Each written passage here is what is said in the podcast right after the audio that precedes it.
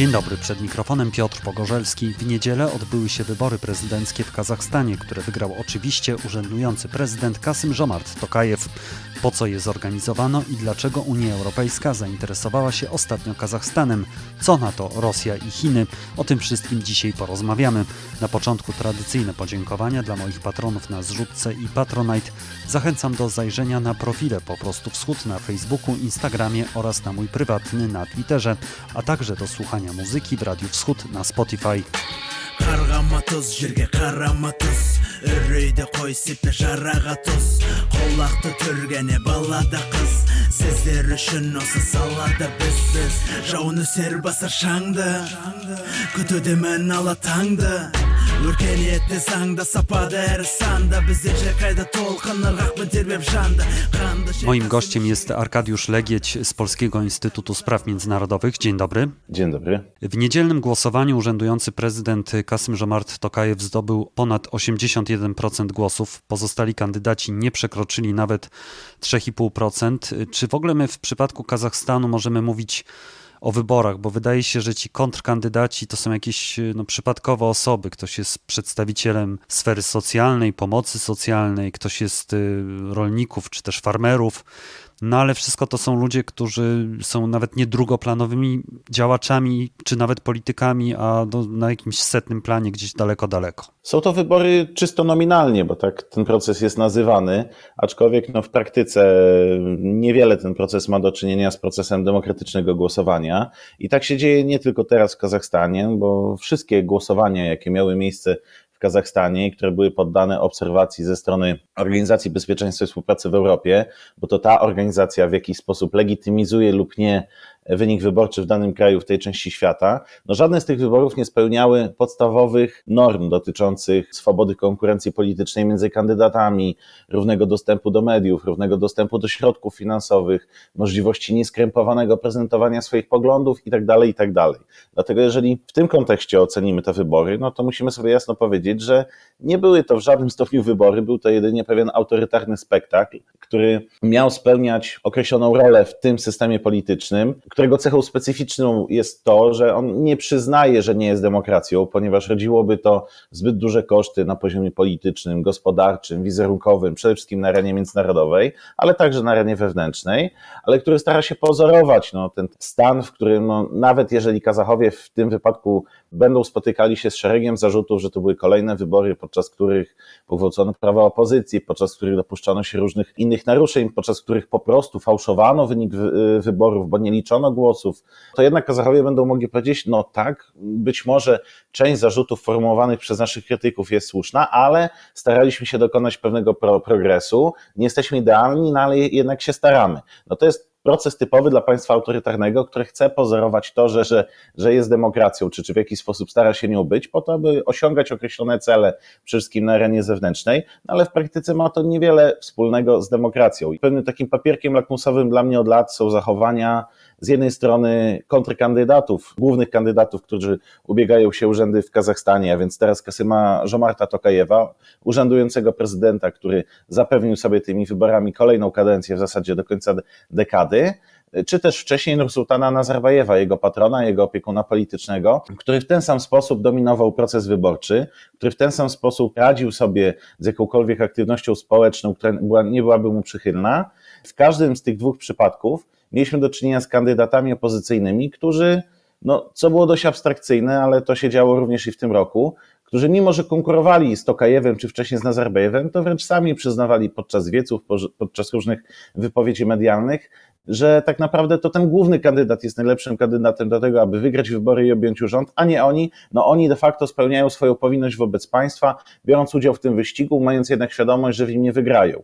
To jest pewien papierek lakmusowy, ale też tutaj pragnę zauważyć, że jednak te wypowiedzi też były drogorzędne, no bo tak jak słusznie e, zauważyłeś we wstępie, ci kandydaci my ich nie znamy tak naprawdę. Żeby zorientować się, kto to tak naprawdę startuje w wyborach, no to ja osobiście musiałem przeczesywać internet, sprawdzać jakieś tam swoje kontakty i pytać, co to są za ludzie, bo nie są to oczywiste kandydatury, to nie są ludzie, którzy na co dzień odgrywają jakąś istotną rolę w państwie, to są tak naprawdę aktorzy, statyści podstawieni do tego teatru po to, aby po prostu główny kandydat nie musiał konkurować sam ze sobą. Ja we wrześniu byłem w Wałmacie, pamiętam konferencję, którą mogłem obserwować i tam były głosy krytyczne pod adresem władz, pod adresem Tokajewa. Czyli, jak rozumiem, jest jakaś grupa w Kazachstanie działaczy społecznych, opozycjonistów, którzy krytykują władzę.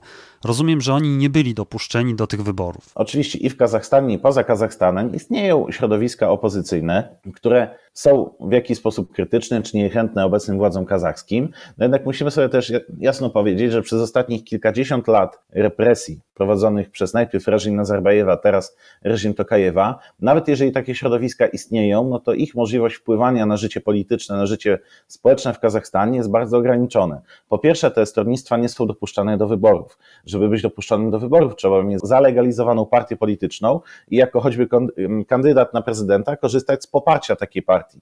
Jeżeli takiej partii nie ma i nie ma się takiego poparcia, no to niemożliwe jest wzięcie udziału w wyborach, więc jest to pierwszy próg taki na poziomie prawnym, politycznym, który uniemożliwia pełny udział w życiu politycznym. No ale nawet jeżeli nie mówimy o aktywności wyborczej, nawet jeżeli nie mówimy o kandydowaniu czy oddawaniu głosów, bo tutaj no, znowu chciałbym zaznaczyć, że prawa zarówno tych, którzy zabiegają o głosy, czy mogliby zabiegać, jak i tych, którzy oddają głosy, są pogwałcane w Kazachstanie, no bo tych głosów się po prostu nie liczy. No ja sam miałem doświadczenie obserwowania wyborów w Kazachstanie w 2019 roku, no i naprawdę wyjechałem stamtąd z poczuciem takiego najbardziej ordynarnego, nieskrępowanego żadną przyzwoitością, fałszowania głosów, które czasem wręcz nie miało sensu, ale po prostu musiało przynieść końcowy efekt w postaci określonego słupka procentowego dla Nursultana Nazarbajewa, czy też już od 2019 roku dla Kasyma Marta Tokajewa. Środowiska opozycyjne są, czasami zdarza się, że one wypowiadają się w bardziej lub mniej zdecydowany sposób, czasami zdarza się tak, że one wychodzą na ulicę i protestują, no ale też ten rok,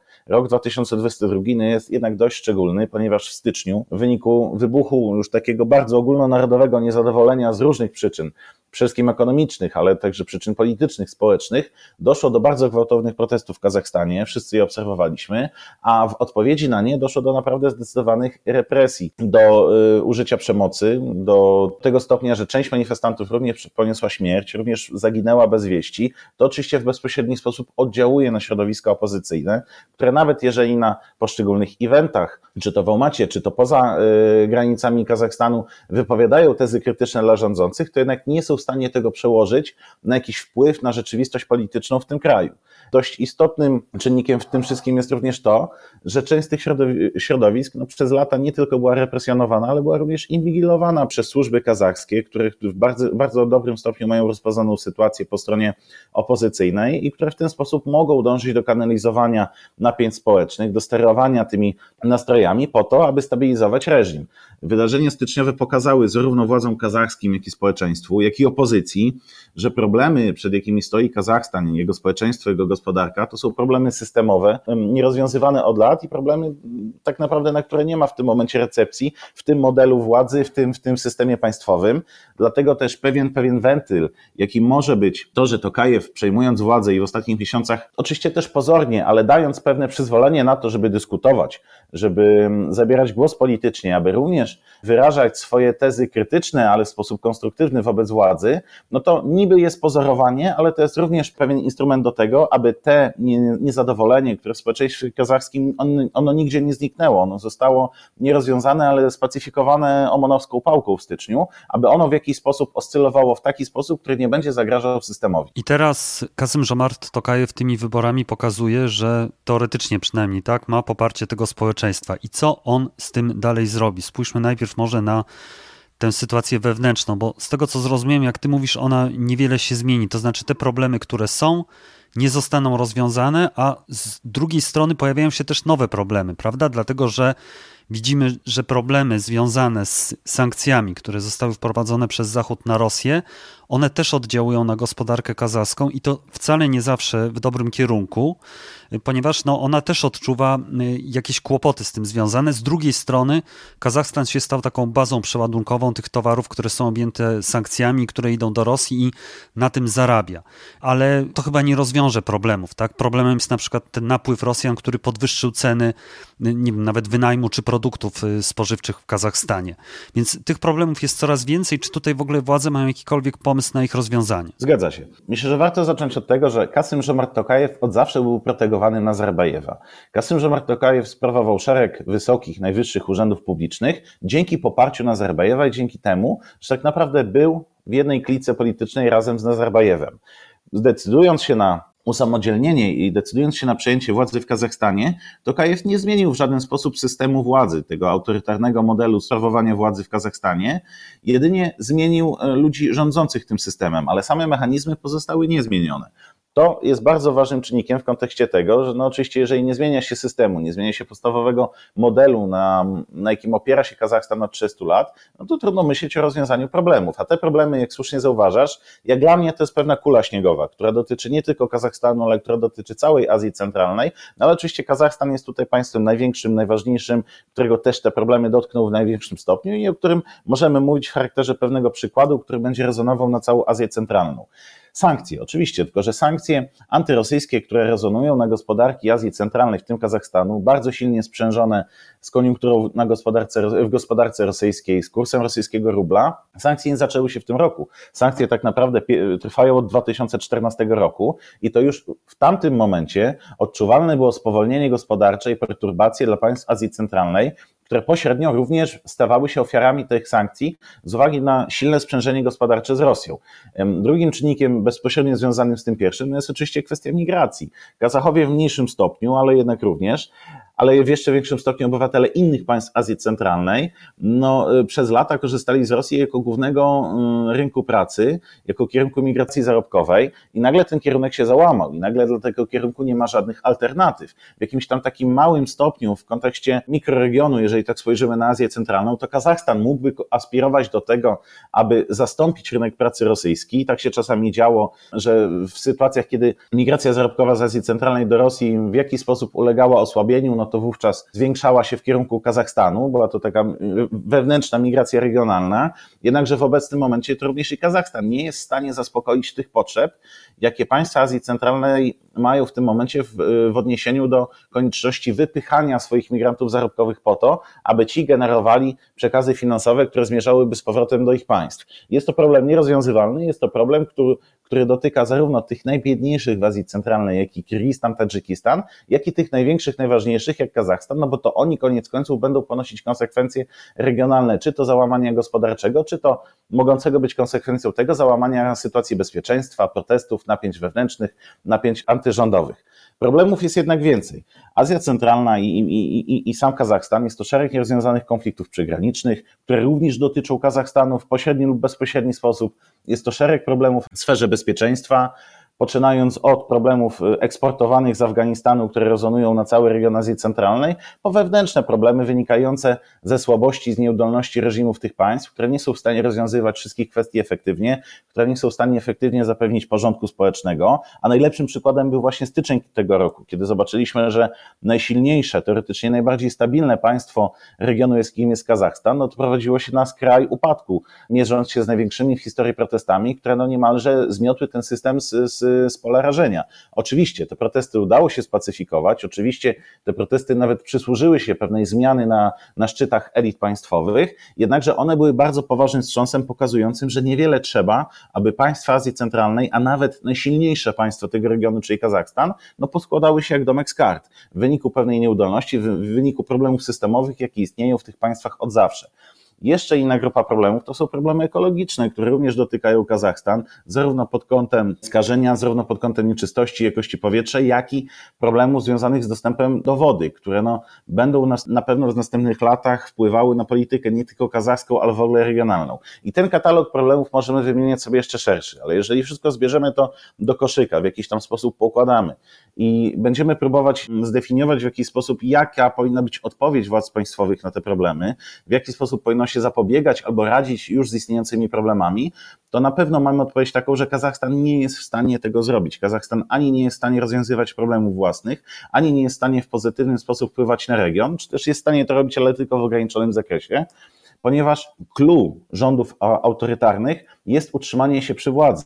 Kasym Żomart Tokajew i otaczająca go elita przez ostatni rok nie myśleli o tym, jak rozwiązywać problemy swojego społeczeństwa, jak rozwiązywać te problemy, które doprowadziły do protestów w styczniu. Nie. Oni skupiali się na tym, jak zastąpić ludzi wiernych Nazarbajewowi ludźmi wiernymi sobie, jak w efektywny sposób przejąć władzę, jak w efektywny sposób zademonstrować to, że przejęło się władzę w Kazachstanie innym państwom autorytarnym w regionie po to, aby zyskać ich aplauz. To nie rozwiązywanie problemów jest, jest sednem istnienia rządów autorytarnych, takich jak reżim Kasyma Marta Tokajewa teraz w Kazachstanie, ale utrzymanie się przy władzy. To to utrzymanie się przy władzy jest pewną ambrozją rządzących, która zapewnia im nie tylko dostęp do, do, do władzy, do, do, do stabilnego życia, ale w ogóle życie, ponieważ wielu z nich liczy się z tym, że w momencie utraty władzy mogą również utracić co najmniej wolność, a również życie. Ale mimo wszystko jest także zainteresowanie Kazachstanem ze strony Unii Europejskiej, ze strony Zachodu. Na co tutaj y, może liczyć Astana? Czy rzeczywiście Zachód może jakoś pomóc, nie wiem, na przykład inwestycjami? Czy Kazachstan może się bardziej otworzyć na y, te inwestycje zachodnie w związku z problemami, które są w Rosji, które właściwie Rosja sama sobie stworzyła, wywołując y, wojnę na Ukrainie? I oczywiście z drugiej strony mamy też Chiny, które też oczywiście nie tracą tym państwem zainteresowania. Kazachstan od lat manifestuje, że chce prowadzić politykę wielowektorową, zdywersyfikowaną, że nie chce tak naprawdę opierać się w zbyt dużym stopniu na jednym partnerze, ale chce rozwijać współpracę z sojusznikami na różnych kierunkach. I oczywiście na poziomie deklaratywnym jest to strategia słuszna, jest to strategia fajna, fajnie jest to analizować, fajnie jest się tym zajmować. Jednakże jeżeli zweryfikujemy to z rzeczywistością, no to zarówno ta polityka prowadzona przez Nazarbajewa, jak i ta polityka kontynuowana w tej chwili z jakąś tam dozą korekty przez Kasyma Marta Tokojewa, no ona jeżeli ma w sobie jakiś pierwiastek multilateralności, no to jednak w bardzo ograniczonym stopniu. Przez lata Kazachstan był kluczowym sojusznikiem, partnerem Rosji w ramach Organizacji Układzie o Bezpieczeństwie Zbiorowym, w ramach Euroazjatyckiej Unii Gospodarczej, w ramach relacji bilateralnej i to nie uległo zmianie nawet w chwili obecnej. Oczywiście dochodzi do pewnych napięć na poziomie politycznych, o których pewnie zaraz możemy sobie jeszcze powiedzieć, ale, ale, to nie zmienia pewnego filaru, jakim w polityce zagranicznej Kazachstanu jest Rosja. Prawdopodobnie w dużym stopniu przymusu, no bo Kazachowie zdają sobie sprawę z potencjału, jaki ma Rosja, z potencjału zarówno pozytywnego, jak i negatywnego, jaki Rosja jako sąsiad Azji Centralnej, jako sąsiad Kazachstanu może mieć na, na, na państwa regionu, na sam Kazachstan. Niemniej jednak, zarówno zarządów Nursultana Nazarbajewa, jak i teraz zarządów Kasyma Żomarta Tokajewa, nawet w sytuacji rosyjskiej agresji na Ukrainę i wszystkich konsekwencji dla, dla Rosji na arenie międzynarodowej, jakie się z tym wiążą, nie doszło do przewartościowania polityki kazachskiej. Ja tutaj uważam, że warto w zdecydowany sposób to powiedzieć. Kazachstan w dalszym ciągu orientuje się na Rosję, ponieważ nie ma, nie ma wyboru. Nawet jeżeli próbuje wykazać coraz większą asertywność w tych relacjach, to nie jest tak, że, że no za pomocą nożyczek odciął te wszystkie nitki łączące go z Rosją. Podobnie sytuacja ma się przypadku Chin. Chiny od lat traktowały Kazachstan priorytetowo jako pewien kraj będący bramą dla inicjatywy Pasa Szlaku, a więc kluczowego projektu w chińskiej percepcji świata, także kraju istotnego dla stabilizacji zachodnich regionów Chin na czele z Xinjiangiem, co, co, co wymuszało na Chinach rosnące zaangażowanie i gospodarcze, ale także w sferze bezpieczeństwa w Kazachstanie i w całej Azji Centralnej. Z tego też powodu przestrzeń dla zaangażowania europejskiego w Azji Centralnej, ona była zawsze ograniczona. I to nie wynikało z efektywności, no nie wiem, Szanghajskiej Organizacji Współpracy, która stała się przez lata organizacją, która nominalnie miała w jakiś sposób konsolidować wpływy rosyjskie i chińskie w Azji Centralnej i ograniczać inne zewnętrzne wpływy w tym regionie, ale bardziej ze względu na to, jaką politykę prowadziły państwa regionu, a więc politykę opartą na autorytaryzmie, na braku praworządności, braku demokracji, pogwałcaniu praw człowieka oraz sojuszu z Rosją i Chinami tego typu klinie ciężko było znaleźć jakąkolwiek przestrzeń dla siebie, co nie znaczy, że Unia Europejska jej nie szukała. Unia Europejska w ostatnich 20 latach formułowała różne strategie wobec Azji Centralnej. Były dwa takie kluczowe dokumenty z 2014 i 2019 roku, które zarówno w tym pierwszym, jak i w drugim przypadku miały stanowić pewne nowe otwarcie, miały definiować interesy unijne, miały prowadzić do rozwoju e, unijnych instrumentów wobec regionu, a w konsekwencji do wzrostu unijnego zaangażowania w regionie, który był definiowany przez decydentów unijnych jako region ważny, jako region mogący być dostarczycielem surowców do Unii Europejskiej, jako region też, który mógł być dostarczycielem problemów do Unii Europejskiej w postaci migracji czy terroryzmu, a więc należało w jakiś sposób pozytywny, konstruktywny wpływać na, na sytuację w tym regionie. No jednak to wszystko również pozostawało na poziomie politycznych deklaracji. Żaden z dokumentów unijnych, żadne, żadne z tych nowych otwarć względem Azji Centralnej nigdy nie przyniosło jakiejś takiej konstruktywnej zmiany w relacjach Unia Europejska-Azja Centralna. Azja Centralna w percepcji europejskiej nigdy nie stała się częścią sąsiedztwa. Sąsiedztwem dla nas jest Afryka Północna, sąsiedztwem dla nas jest Kaukaz, sąsiedztwem dla nas jest Europa Wschodnia, ale nigdy nie była nim Azja Centralna. Azja Centralna w percepcji unijnych decydentów zawsze była gdzieś tym odległym, dość egzotycznym regionem, będącym częścią tej, tej, tej, tej mm, dość rozległej i skomplikowanej przestrzeni postsowieckiej, w którym Rosja i Chiny na tyle rozłożyły swoje wpływy, że unijni decydenci no nie, nie do końca mieli, nawet jeżeli mieli aspiracje, to nie do końca mieli koncepcję, co zrobić, aby samemu odgrywać tę rolę, a w mojej ocenie dodatkowo nie byli pewni, czy tę rolę na pewno trzeba aż tak w tak dużym stopniu odgrywać. I teraz oczywiście moment jest fajny, aby wrócić do tego typu rozważań i to dobrze, że Josep Borrell czy inni decydenci unijni wracają do tego typu rozważań na temat roli Unii w Azji Centralnej, postrzegając to też jako pewien instrument zarówno do rozwoju interesów gospodarczych czy politycznych Unii i tutaj ponownie powracają te mityczne surowce, no bo znowuż, gdyby udało się Azję Centralną podpiąć do tego południowego korytarza gazowego, gdyby surowce z Azji Centralnej udało się przeprowadzić przez Morze Kaspijskie, zwiększyć moce przesyłowe południowego korytarza gazowego, to byłby to niezwykle interesujący kierunek importu surowców dla Unii Europejskiej. No jednak tutaj też musimy powiedzieć, że perspektywy ku temu są no, dość odległe. No niemniej jednak one pojawiają się gdzieś w myśleniu naszym Azji Centralnej. Jest to również moment ciekawy i interesujący do tego, aby wchodzić w większe interakcje z Azją Centralną z tego punktu widzenia, że no, mamy do czynienia z sytuacją, kiedy Rosja ponosi konsekwencje swoich działań przeciwko Ukrainie.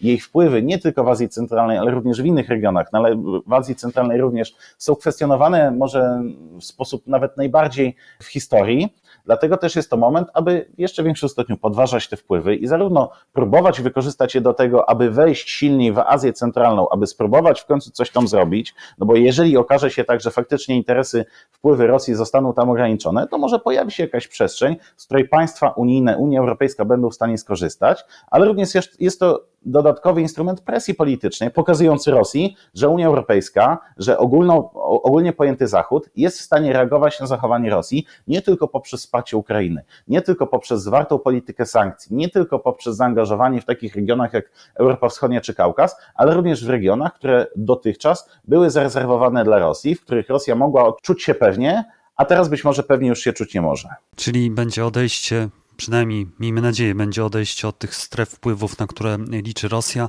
Arkadiusz Legieć, Polski Instytut Spraw Międzynarodowych, bardzo dziękuję. Dziękuję również. A ja dla zainteresowanych Kazachstanem polecam odcinek mojego podcastu z września Kazachstan, polityka i gospodarka w cieniu Rosji.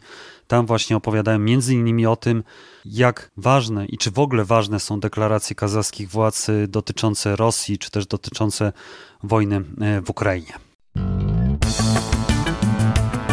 Przypominam, że mój podcast powstaje dzięki Państwa wsparciu na zrzutce i Patronite dla moich patronów. Na tym ostatnim mam też kody dostępu do mojego podcastu Zrozumieć Wschód, który przygotowuję dla OpenFM, a w którym opowiadam, jaką drogę w ciągu ostatnich 30 lat pokonały państwa byłego Związku Radzieckiego. Wystarczy napisać do mnie na Patronite czy profilu po prostu Wschód na Facebooku albo Instagramie. Z przyjemnością przekażę. Do usłyszenia żegna się Piotr Pogorzelski.